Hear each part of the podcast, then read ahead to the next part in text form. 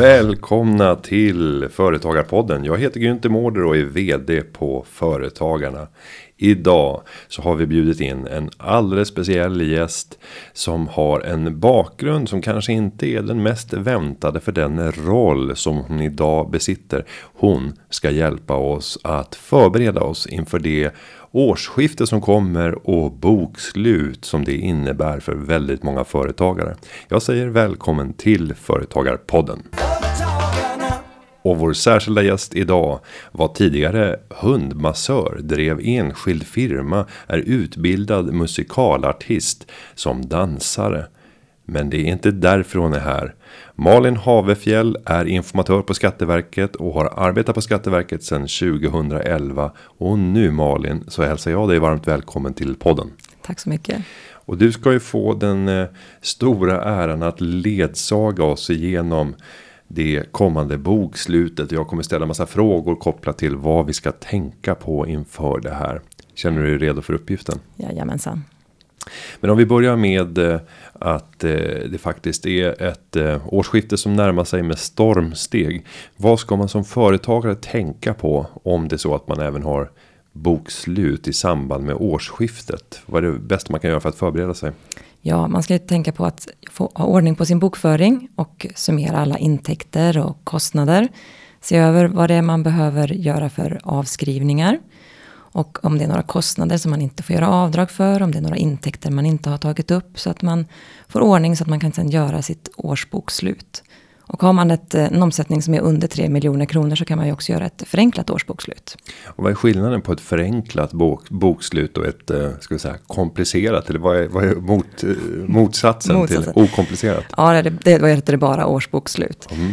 Är det förenklade, att då är det lite förenklade regler. Man behöver inte göra skriva in lika mycket i sitt bokslut. Så att eh, med det förenklade årsbokslutet så då går man som enklast in på skatteverket.se och så fyller man i via den e-tjänsten. Eller om man har ett bokföringsprogram som har den tjänsten i sig.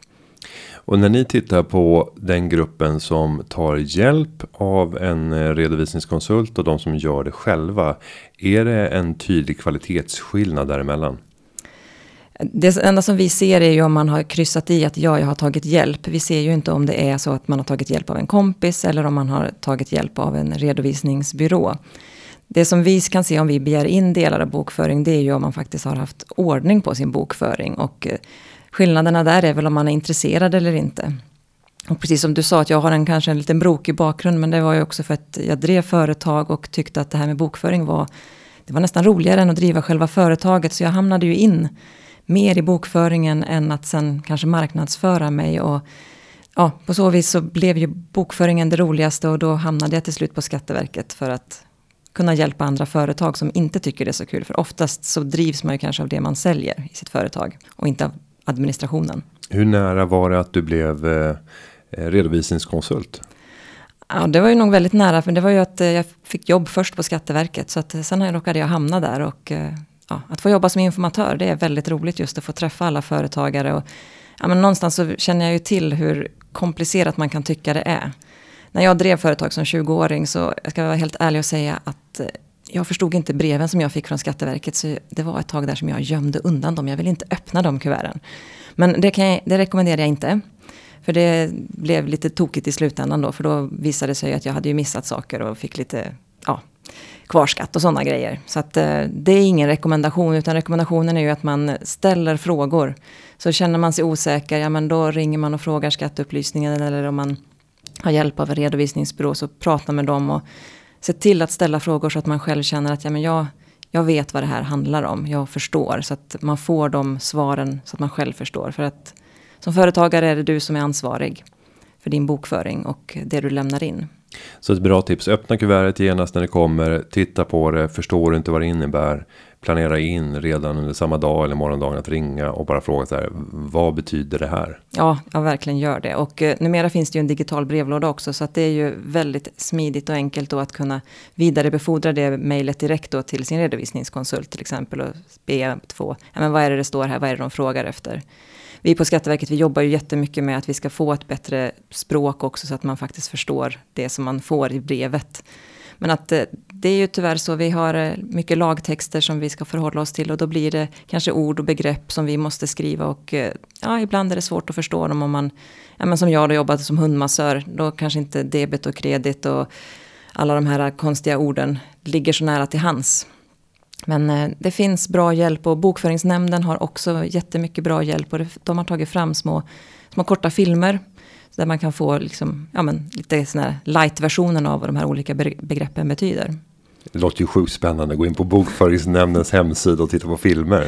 Ja, men ja. jag kan faktiskt rekommendera dem. De är, de är, de är, de är bra. Mm. Och vill man hellre läsa så finns det, har de gjort en pdf-fil som heter Att föra bok. Som också är samma sak som de här filmerna. Så att, eh, jag vet, det låter, nu, nu är jag, jag gillar ju bokföring. Det mm. har ni ju hört redan. Så att, men. men det kan vara en utmaning. Ge, ge Bokföringsnämnden en chans. Ge dem fem minuter för att se om de lyckas fånga ditt intresse. För att säkerligen så kommer du få kunskaper som kommer vara värdefulla i ditt företagande. Mm. Och, och, då kan det vara värt att lägga de här minuterna som, som behövs för att fylla på med kunskaper. Men om vi tittar istället på fallissemang. Ni sitter ju från Skatteverket och granskar sen uh, alla inkomna uppgifter när man ska deklarera för sitt bolag och för sig själv. Uh, vilka är de vanligaste misstagen som ni upptäcker hos företagare? Men det är nog just det här att man kanske inte har förstått. Man man, man, har kanske gjort saker man tror att man förstod och sen, sen är det missförstånd.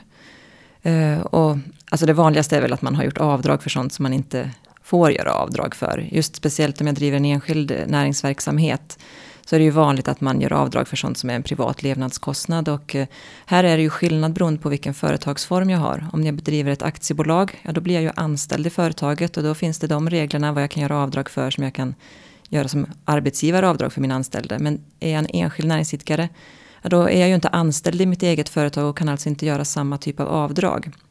Så det som jag märker mycket när vi är ute och informerar det är att ja, men man kanske har pratat med någon kompis som driver företag också som driver ett aktiebolag och så har man hört att ja, men jag gjorde avdrag för friskvård. Och så tänker jag att ja, men det gör jag också. Fast jag driver en enskild näringsverksamhet och då kan jag inte göra det avdraget. Så att det, jag tror det är mycket missförstånd. Andra saker som är vanliga att man vill dra av men eh, där det saknas grund för att få göra det. Vad kan vi säga där? Ja, ja men eh, utbildning till exempel är ju en vanlig och där, där är det gråzon och det som är viktigt att hålla koll på här det är ju det, jag får ju göra avdrag för det som jag säljer i mitt företag. Om vi säger att jag, ja, men som jag som var hundmassör då. Att jag kan göra avdrag för det som är kopplat till hundmassageverksamheten. Men om jag skulle göra avdrag för, vi säger att jag, ja men jag är ju dansare också, gammal dansare. Och så drar jag av för dansskor i eh, mitt företag. Ja men det har ju ingen koppling till det som jag säljer. För dansskorna har ju ingen koppling alls till min hundmassageverksamhet. Så att eh, det, det kan ju vara en vanlig grej då att man göra avdrag för. Men, men om man i det läget skulle skriva in i sin verksamhetsbeskrivning att eh, eh, huvudsysslan är hundmassage. Eh, men med en avsikt att inleda artistisk verksamhet särskilt inom dans. Ja, jag behöver faktiskt inte skriva in det utan Nej. då ser jag till att jag har med det som min i verksamhetsgren då. Mm. I de här SNI-koderna som man fyller i. Och det är viktigt att man håller dem uppdaterade. Så att det som jag säljer ska också finnas med i SNI-koden, de, de koderna som man får från Statistiska centralbyrån. Och det kan jag gå in enkelt på verksamt.se med min e-legitimation och lägga till. Så att om jag då plötsligt hade fått en ett gig som dansare och kände att ja, men det här vill jag ha med i min i mitt företag, ja men då ska jag ju fylla i att jag också är dansare. Och då kan jag göra avdrag för dansskorna till exempel. Nu, så, nu började jag ju prata om utbildning där, jag kom ifrån det lite grann. Mm. Men om vi tänker att jag då var hundmassör och så vill jag, eh, märker jag att ja, men mina kunder, de vill ju också köpa tjänsten att jag ska vara hundinstruktör, jag kanske ska lära dem agility. Och så tänker jag, men vad bra, jag går en utbildning i det. Och så vill jag dra av det. Men det är ju inte kopplat till själva hundmassageverksamheten. För även om mina kunder önskar att jag ska börja sälja det, de tycker att ja, men dina hundar är ju så bra på det här. Så är det ju inte kopplat till det jag huvudsakligen säljer där. Så då kan jag inte göra avdrag för den utbildningen eftersom den startar en ny gren. Men om jag behöver gå en utbildning för att kunna bibehålla, alltså vara kvar i hundmassageverksamheten, ja men då kan det vara avdragsgillt. Men kan, men kan vi inte där bara lägga till ytterligare en gren? Du går in på verksam.se, lägger in en gren som heter agility Finns det ja. någon sån gren? Ja, precis. Ja, nej, inte om jag startar en ny. Eh, så att, för det skulle ju vara ungefär som att jag eh, i min privata inkomstdeklaration kan göra avdrag för min ekonomutbildning. Eh, för att sen kunde jag söka jobb på Skatteverket. Så att om, om det skulle fungera då skulle vi ju alla kunna göra avdrag för de utbildningarna som vi går privat. Så att eh, så fort jag vill liksom bredda mig, starta någonting nytt, ja men då är det en privat levnadskostnad. Så den får jag inte göra avdrag för. Och du frågade tidigare vad vi kan se som man kan göra mycket fel på. Och just med utbildningar så vi, vi, ser tyvärr i gransk, när vi granskar att det finns många utbildningsföretag som skriver på sina hemsidor att ja, men den här är avdragsgill i din verksamhet. Men det kan de inte veta eftersom de inte vet vad det ja, ditt företag säljer. För det är ju kopplat då till, ja, till ditt företag och dina intäkter då.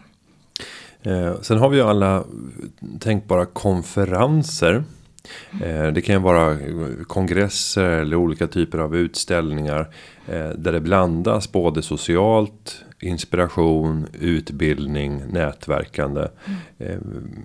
Utmaningar och möjligheter med det ur ett skattemässigt perspektiv. Ja, ja men det, då får man ju titta igen då på hur mycket är det som är privat och vad är det som är faktiskt i verksamheten. Så att där kanske man får göra en fördelning då istället. Och då är det ju bra att man sparar underlag från, om man har varit på en konferens, att man sparar hur såg schemat ut så att man kan visa sen som underlag då i sin bokföring ifall att Skatteverket ställer en fråga. Och eh, jag ska säga, vi pratade ju tidigare om olika företagsformer, att här kan det ju också skilja sig lite då vad det är jag får göra avdrag för beroende på vilken företagsform jag bedriver. För som anställd så kan det vara andra rättigheter då till avdrag. Och normalt sett kan man säga att det är lättare om man är anställd? Ja, då är det ju arbetsgivaren som bestämmer om det är så att det här är kopplat till, mm. till din anställning. Så att eh, som enskild så, om, om du driver en enskild näringsverksamhet, håll lite koll då. Och det finns, på skatteverket.se så finns det något som heter avdragslexikon. Just för företagare. Och är man osäker, gå in där och klicka. Och där finns det liksom en ja, alfabetisk ordlista där, olik de vanligaste av, eh, frågorna vi får på skatteupplysningen. Och känner man sig fortfarande osäker, men ring skatteupplysningen då och fråga. Och när man ringer och vill ha konkreta besked i det specifika fallet så är min upplevelse att man är väldigt försiktig från Skatteverkets sida med att, ja, precis. Vi får ge ju, svar. Ja, vi får ju inte ge förhandsbesked. Mm. Eh, och ska vi berätta vad, vad är ett förhandsbesked? För, ja, precis. Det, det, skulle vara om vi säger att eh, ABB till exempel, ett väldigt stort företag, ja, men de ska göra en mångmiljardaffär. Ja, men för dem kanske det är viktigt att få ett förhandsbesked. De behöver veta vad blir beslutet. Och då, kan man, då finns det en möjlighet att kunna köpa det, liksom, att kunna få betala så man kan få det. Men som en, som en liten företagare så är det inte, är det inte värt att du betalar liksom, för att få det här förhandsbeskedet. Så att då, det du kan göra då det är ju att du gör ett öppet yrkande i din deklaration om det är så att du är osäker fortfarande. För det första så ringer du till skatteupplysningen och frågar och du uppger alla dina förutsättningar. Och det som vi hör ofta just när vi är ute och pratar med företagare är att de säger ja, jag har ringt fem gånger och jag fick fem olika svar.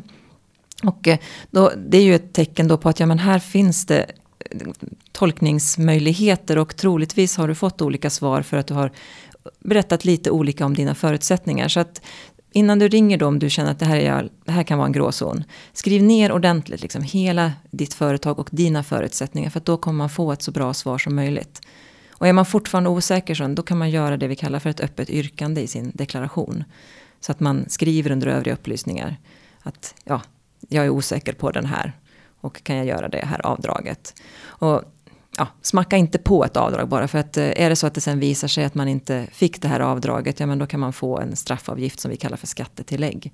Om det visar sig att det är fel sen. Och då får man betala lite extra. Då är, det, är det 40 procent. Ja, det är ju av den undanhållna skatten som man sen beräknar det här skattetillägget då. Mm. Och eh, om vi pratar om att få skattetillägg. Om man har gjort om vi har två personer. Den ena har gjort ett avdrag som är otillåtet. Och ni upptäcker det i en granskning. Eh, då kommer ni döma sannolikt skattetillägg på det. Sen har vi en exakt motsvarande företagare som har gjort samma avdrag. Men som har skrivit ett sånt här öppet yrkande och det är ofta i en ruta. Mm. Övriga upplysningar. Mm. Mm. Är osäker på om, om jag får göra så här men jag har valt att göra följande avdrag. I, i den här posten. Den personen kommer väl inte sannolikt att få ett skattetillägg? Ja, eh, jag kan inte säga exakt hur, hur för det här är ju också med de här förutsättningarna, att det beror lite på, ja men är det så att jag har lagt på tagit med det här beloppet eller är det så att jag inte tog med beloppet. Det, det, är många olika förutsättningar just som handläggaren får titta på då. Och eh, skulle det vara så att man hamnar i en risk där man kan få ett skattetillägg, då är det alltid två handläggare som tittar på det. Så att det kan man alltid vara säker på, att det är inte bara en handläggare som, som gör bedömningen, utan då är det alltid två stycken som ska titta på det. Och eh, nu lät det väldigt eh, allvarligt och farligt, men eh, det är det är inte så farligt. Att, mm. Jag vet att jag pratar med många som bara, åh gud, kommer jag hamna i fängelse nu om jag har gjort fel? Och, och, så är det ju inte, utan känner man sig osäker, ja, men prata med Skatteverket, vi är inte farliga, gör inte som jag gjorde när jag var 20 år. Och inte tordes prata alls, för att jag var rädd för att jag inte skulle förstå vad, vad Skatteverket sa.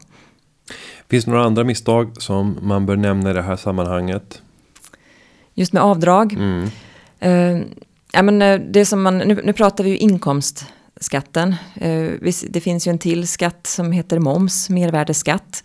Och den lämnar vi in på en annan deklaration och eh, där, där kan man ju se att eh, underlagen man har där kanske är bristfälliga. Så att kolla upp, det finns en broschyr som heter fakturans innehåll, att man kollar upp så att man alltid har korrekta underlag. Så att eh, de uppfyller kraven som gäller just för mervärdesskatten. För att det är olika, olika regler beroende på om det är moms vi pratar om eller om det är inkomstskatt. Ja, och där måste jag säga i, i, min, eh, i mitt tidigare liv som eh, eh, ensamföretagare, soloföretagare så gjorde jag bland annat aktieanalyser som jag sålde. Och när jag sålde dem till en tidning då betraktades det som ett journalistiskt, eller ett litterärt verk. Eh, och därför blev det är det 6% i moms va? Ja, ja. ja. Och sen om jag tog samma analys och sålde den till en aktieintresserad person som ville göra affärer. Men de ville läsa den på precis samma sätt som tidningsläsaren. Eh, då var det 25% moms. Så det var exakt samma arbete jag hade gjort. Jag bara sålde den till två olika typer av kunder. Och så blev det olika momsatser. Sånt här är ju lite förvirrande. Ja, och just momsen. Det, vi har ju mycket informationer också. Vi har informationer på webben. Och moms är ju ett område som har väldigt mycket regler. Och det det är ju ett väldigt rörligt område man ska säga. Inkomstskatten, ja men det har ungefär sett ut på samma sätt i flera år. Så att där kan man känna sig att ja men har jag lärt mig, ja men då är jag nog rätt trygg med att det kommer att fortsätta vara så här. Men momsen, där behöver man hålla sig uppdaterad och just om man är inne, som du nämner nu då, när man kommer in mot det mer konstnärliga, det artistiska, kulturella. Ja men där behöver man verkligen sätta sig ner och, och titta på vad är det jag säljer till vem. Så att man gör en ordentlig analys av vilka är min, vem är min kund och vad är det. Speciellt om man är ja, eh, sångare till exempel. Och man, beroende på vart man framträder eller uppträder så är det olika momssatser där också. Där kan det till och med vara momsfritt ibland. Ja, det där kan vara en djungel. Eh, men om vi ska ta till lite så här knep för att det ska bli lättare att göra rätt. Vad, vad är det vi kan göra själva för att underlätta? Skatteverket jobbar ju jättemycket med våra e-tjänster så att du ska kunna gå in och göra mycket själv och att du ska få ett snabbt svar också. För att då, då loggar du in på mina sidor. Om du går in på skatteverket.se så finns det en knapp som heter logga in uppe till höger på den webbplatsen och då kommer du till mina sidor och där, där är det alla e-tjänster och allt sånt som är kopplat till dig eller mellan dig och Skatteverket så att man får en snabb överblick över vad är det vad är det jag precis har skickat in? Det finns en händelselogg och jag kan komma in till mitt skattekonto till exempel. Om jag vill veta hur, hur ser det ut på mitt skattekonto? Har jag betalat in? Eller är det så att man kanske har betalat in en massa pengar som ska täcka en framtida eh, debitering? Ja, men då kan man gå in och lägga in någonting som vi kallar för en utbetalningsspärr. Så att de pengarna inte betalas ut. Så att det finns mycket självhjälper numera och eh, känner man att nej, men det där med administration var inte riktigt vad jag tyckte var kul med företagande utan jag har ju min redovisningsbyrå. Men då kan man utse redovisningsbyrån till ett ombud så de kan gå in och göra alla de här eh, deklarationerna och allting åt mig den vägen istället. Mm. Ja, och det är väl ett, ett eh, bra tips tycker jag för de allra flesta.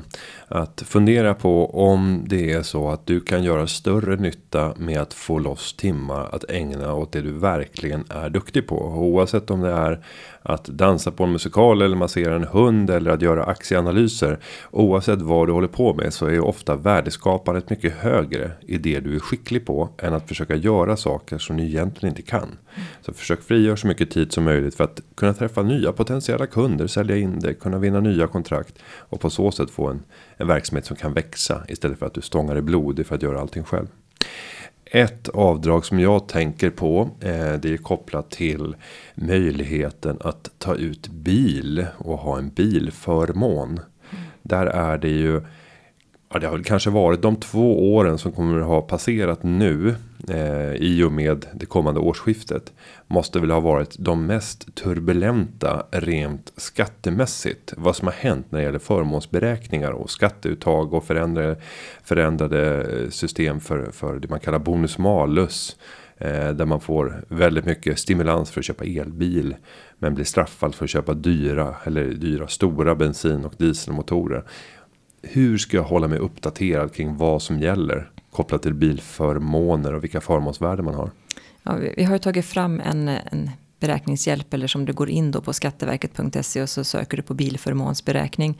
Och där fyller man i vad det är för bil jag har, om jag har någon tilläggsutrustning och vilken årsmodell. Och så får jag fram beloppet då som blir den, min bilförmån för den här bilen. Och, så det rekommenderar jag. Funderar man på att ja, men ska jag köpa den här bilen eller den här bilen till mitt företag. Gå in och titta där för då får man ju direkt svar på ja, men vad blir slutkostnaden egentligen för den här bilen för mig.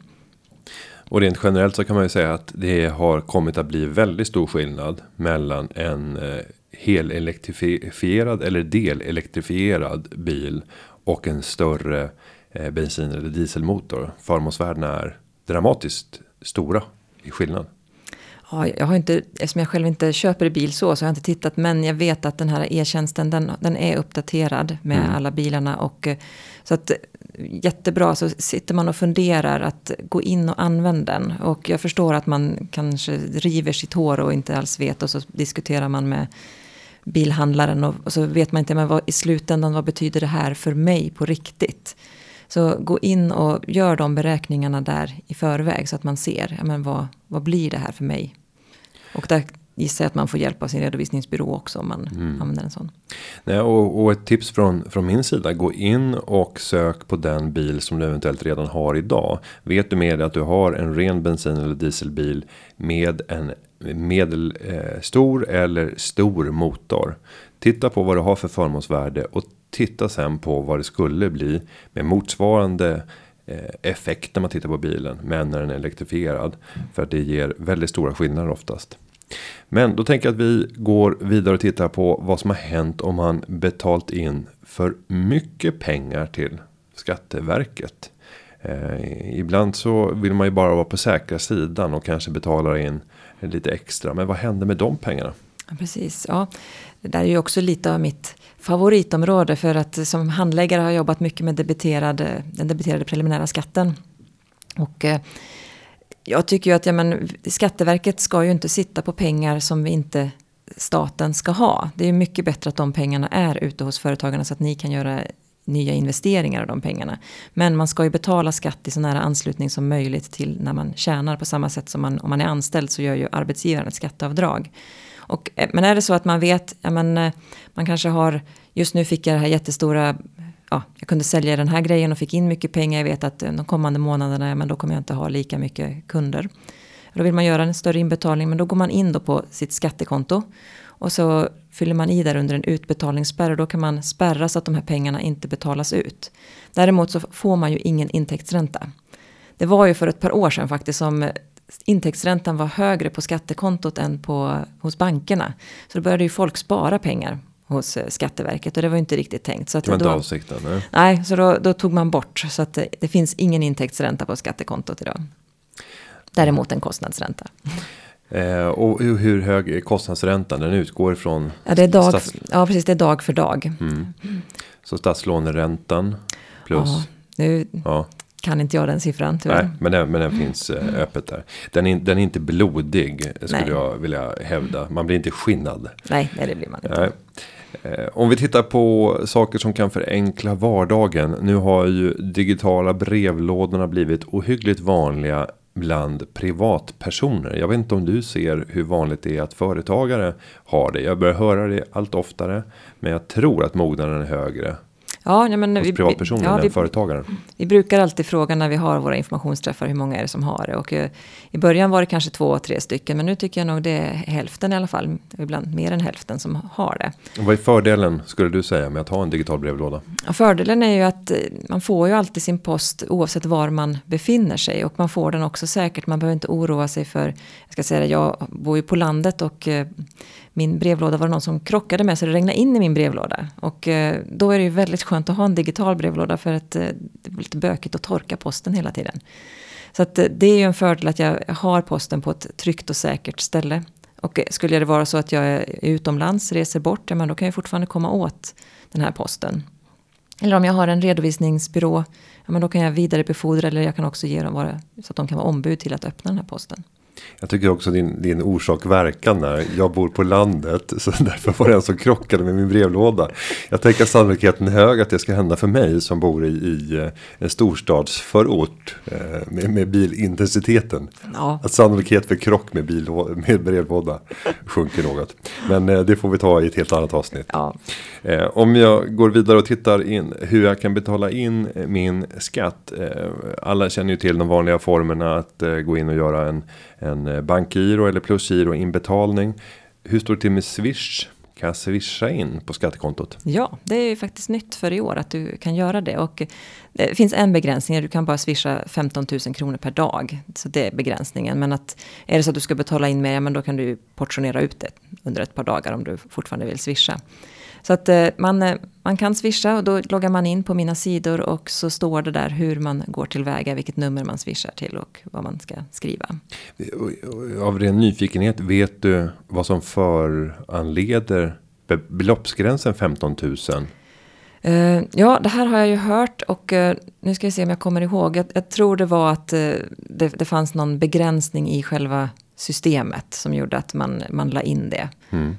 Ja, för annars så är det ju ofarligt kan man väl säga att även om du skulle betala in för mycket. Ja, det kommer ta ett antal dagar innan du kan ha pengarna tillbaka på kontot. Men det kan aldrig bli någon annans pengar. Nej, det är, det är ju Eh, alltid... Det är dina pengar. Ja. Så att även om du skulle råka skicka fel. Sen kan det bli, det kan ju bli problematiskt. Det där, nu ska vi inte sväva ut helt. Men, men det finns ju faktiskt rättsfall.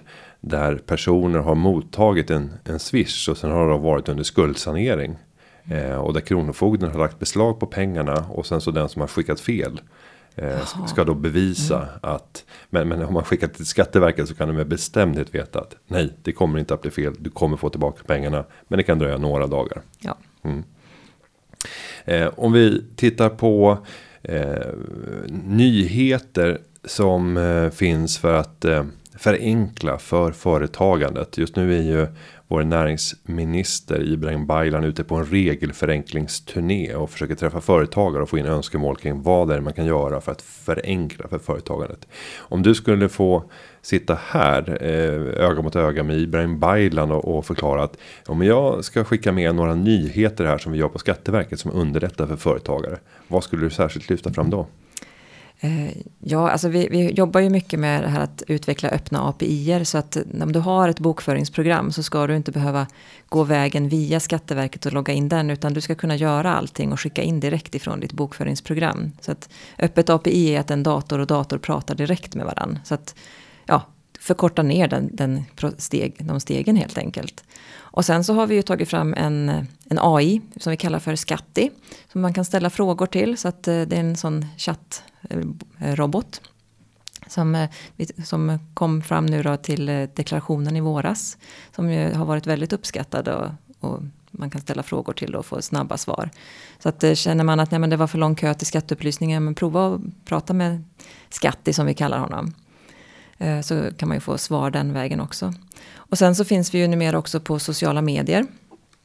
Så det är ju Facebook och Instagram och där finns det ett speciellt konto som heter Skatteverket Företag just för företagare där vi då lägger upp liksom, ja men vad ska jag tänka på som företagare och eh, vi pratade ju om bilförmån här alldeles nyss så jag tror det senaste inlägget där handlar just om bilförmån också.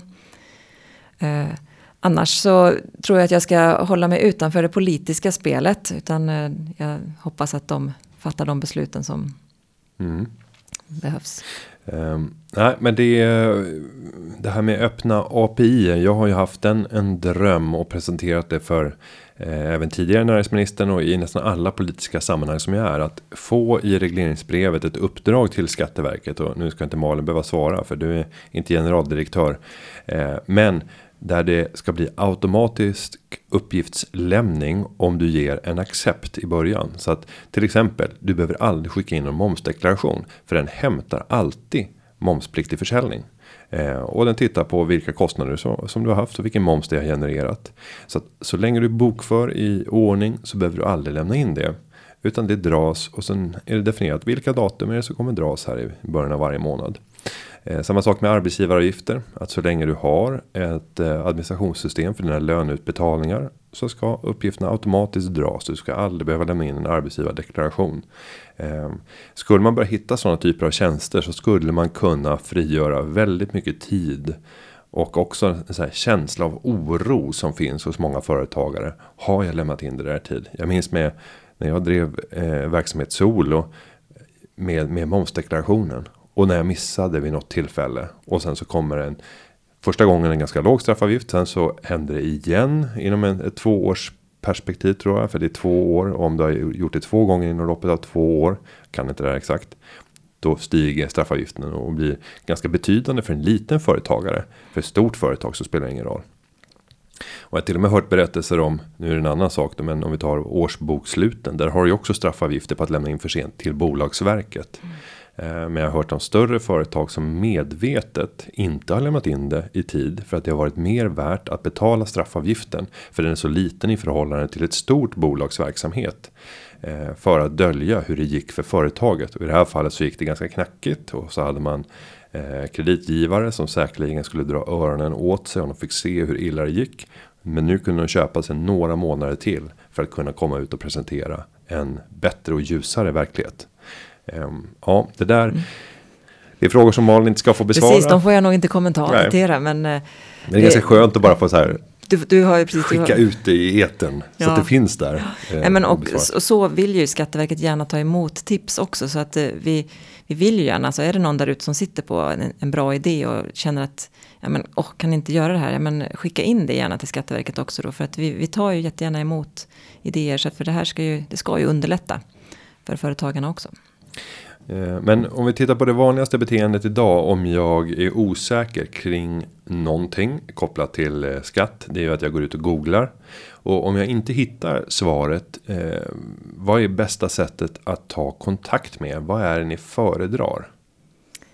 Ja, skatteupplysningen finns ju alltid. Så att, det är ju att ringa dit. Sen kan man ju mejla om man känner att ja, men, usch, jag tycker det är jobbigt att och sitta eller prata i telefon. Då kan man ju alltid mejla in sin fråga också. Vad har vi för svarstider? På, på mejlen? Nej, om vi börjar med, med skatteupplysningen till att börja med. Hur, hur långa kötider är det för att komma fram till att börja med just nu? Just idag vågar jag inte svara på, men att just vid deklarationsinlämningen, men visst, då, då brukar det ju kunna vara lite längre. Men att eh, försöker ju bemanna så att det ska ja, passa in hur det brukar se ut över året. Och jag menar runt den 12. Som företagare känner man nog till att den 12 händer alltid någonting mot Skatteverket idag. Man ska betala den preliminära skatten och momsen ska vara inne. Och arbetsgivaravgifter och den biten. Ja, men, så runt det datumet, ja men visst då är det ju lite längre köer. Men, eh, och sen nu har det ju kommit en ny arbetsgivardeklaration så att eh, i år kanske det inte blir lika mycket just då kring kontrolluppgift inlämningen. Det är ju vissa som ändå fortfarande ska lämna kontrolluppgifter men det mesta är ju redan inlämnat då under året nu via den nya arbetsgivardeklarationen. Så att eh, ja, det, det, det är ju rörligt under året och jag hör ju folk som får sitta i kö länge och andra som, oj, jag kom fram direkt. Så att, eh, mm. Men eh, om vi tar på e-post om du skickar iväg en fråga, hur snabbt kan man förvänta sig att man får svar? Jag tror att de har att det ska vara besvarat i alla fall helst inom två, två dagar. Mm. Eh, inte hundra på vad de har för, där är det också beroende på hur stora balanser de har, hur mycket som ligger i deras inkorgar. Men att de vill inte att det ska ligga för länge utan man ska ju få ett svar så fort som möjligt. Sen om det är så att jag skickar in en, eh, jag kanske skickar in en ny preliminär inkomstdeklaration för att jag vill ändra min debitering. Ja men då har vi en handläggningstid på två veckor. Så att det är också så att tänka på, kanske inte, om jag ska göra min, en ändring, jag ser att ja, men det gick lite sämre för mig nu, jag vill ändra min preliminära skatt, eh, den ska inte vara så här hög. Ja, men skicka inte in det precis bredvid, ja, typ den tionde då, för då kommer det fortfarande vara samma eh, debitering den tolfte, utan eh, tänk på att göra det i tid inför nästa debitering. Mm. Om man eh, som företagare mm, plötsligt kanske väljer att eh, sluta göra redovisningen själv och så tar man hjälp av, av ett proffs, en redovisningskonsult. Eh, och sen så uppdagas att här har du gjort ett fel i flera år som har inneburit att du har betalat för mycket i skatt. Vad är det som gäller i de lägena när man upptäcker det? När det kommer till att få tillbaka skatt retroaktivt? Ja, då får man ju lämna in en omprövning och det har du ju möjlighet att göra sex år tillbaks i tiden. Så att eh, om det, har, det hände det för tio år sedan, jag menar då, då kan vi ju inte rätta upp det. Men att eh, ompröva har du ju alltid möjlighet att göra och då gör man ju en ny beräkning och då får du ju tillbaka skatt i så fall om det visar sig att det stämmer. Men att du behöver ju ha underlag som visar att du har, har, har rätt till den här förändringen också. Mm. Och nu vet jag inte om du har jättebra koll på nedsättningen av arbetsavgift för personal inom forskning och utveckling. Ah, kanske inte mitt specialområde men det Nej. finns ju möjlighet att få nedsättning av det. Ja. Nej, för det, det var ett område som jag inte hade funderat över överhuvudtaget och i, i ett av mina bolag så driver vi rätt omfattande utvecklingsarbete och gör saker som ingen tidigare har gjort och blivit prisade och fått eh, Ingenjörsvetenskapliga akademins pris för smart industri. Så det är uppenbart att här har det gjort saker som ingen annan inom industrin har gjort tidigare. Och det är ju tre, fyra medarbetare som sitter dedikerat i rena utvecklingsroller som är nära forskningsangränsande och jag tror att det är 70 stycken studenter som har varit med i de här utvecklingsprojekten. Men vi har aldrig tänkt tanken att vi kan använda det här avdraget. Men i ett sånt läge när vi upptäcker en sån sak. Då bör vi jag hade ju direkt ringt till skatteupplysningen och kollat vad finns det för möjligheter. Och eh, det är ju också så att eh, den handläggaren du kommer till på skatteupplysningen kanske inte heller är expert på det. Men de har ju andra vägar att ta reda på det. Så att du kanske inte får svar direkt i telefon. Men de kommer ju kunna ge dig ett svar så att du kan gå vidare sen. Och hur är det när man har byggt en sån relation? Till exempel med att man har en viss typ av verksamhet som är lite mer komplicerad. Och det finns någon specialist på Skatteverket som är väldigt duktig på de här frågorna. Eh, kan man ha direkt kontakt med den personen och få e-postadress och till och med direkttelefonnummer för att kunna lösa frågor snabbare och inte behöva stå i vanliga köerna för du vet att det är ingen annan. Det är en specialist som klarar av de här frågorna. Är det så att du, har, du, menar, du oftast så ringer du, kommer du in via skatteupplysningen och sen så kanske du får den här kontakt kontakten av den personen som då talar om för dig att ja, men du kan kontakta mig direkt i så fall. Och är det så att du får en fråga från oss på Skatteverket då står det ju alltid vem handläggaren är. Så att du får, då får du ju en direkt kontakt med den handläggaren. Så om det är så att man har lämnat in en deklaration som vi kontrollerar. Då har du ju den handläggarens namn och, och kontaktuppgifter. Så att, eh, då tar du ju kontakt med den, den vägen. Sen, eh, sen är det ju så, det märkte jag ju också när jag har suttit i handläggningen själv. att ja, men man får ju lite relation med sådana man kanske har har granskat och så ringer de tillbaks nästa år för då har, har man ju telefonnumret till den handläggaren och så känner man att ja men vad bra. Sen då får man ju vara medveten om att då kanske inte det var mitt expertområde som frågan handlade om nästa gång. Och sen får man ju heller inte glömma företagarnas juridiska rådgivning. Det är ju ingen direkt skatterådgivning. Men kan på direkten hjälpa och vägleda var man ska bege sig för att få svar på sin skattejuridiska fråga. Men däremot eh, allsköns juridiska frågor inom företagandet kan de eh, besvara. Och då är min rekommendation till dig som lyssnar att lägg in det här numret så att du har det tillgängligt. Numret till, till rådgivningen på företagarna är 0771 454 545. Alltså 0771 45 45 45 ett enklare sätt att säga det på. Mm. så att eh, välkommen in med din fråga och det är så att om du inte är medlem och ringer in eh, och vill ha svar på en fråga så kan vi omedelbart lätt lösa ett medlemskap. Det är inte svårare än att det går att lösa över ett telefonsamtal. Men med det Malin så undrar jag finns det ytterligare någonting som du skulle vilja skicka med till företagare inför årsskiftet och sannolikt bokslutet som då kommer att ske vid årsskiftet för de allra flesta företag? Ja, det är ju att se över sin bokföring. Se att allting är i ordning. Och sen så ska man ju, om man har ett lager, inventera lagret. Och det kanske man inte gör den första januari, men att man i alla fall gör det i nära anslutning där så att man får det precis vid årsskiftet. Och eh, vi har ju informationsträffar just kring det här eh, med när man ska lämna in sin deklaration. Så att eh, är det, driver du en enskild näringsverksamhet, ja då har du ju ett årsbokslut nu till årsskiftet och då ska du ju lämna in deklarationen vid 2 maj tillsammans med din vanliga inkomstdeklaration. Och då i mars-april så har vi speciella webbinformationer just kring att deklarera din enskilda firma. Så att eh, jag rekommenderar att man går på någon av dem för då får man med sig mycket just vad, som, vad man ska tänka på. Och då är det webbinarier? Det är webbinar och det finns också ute på orterna i landet. Och, så då får man hålla koll på, finns det på min ort eller inte? Mm. Ja, men ett bra avslutande tips från Malin Havefjäll som är informatör på Skatteverket. Stort tack för att du kom till Företagarpodden. Tack. Och jag ska säga att underlaget till den här podden har förberetts av David Hagen och klippningen den är gjord av Petra Chu. Vi hörs igen nästa vecka. Ha det så gott till dess. Hej då! Företagarna Ja, ja, ja, ja, ja, ja Företagarna Ja, ja, ja, ja, ja, ja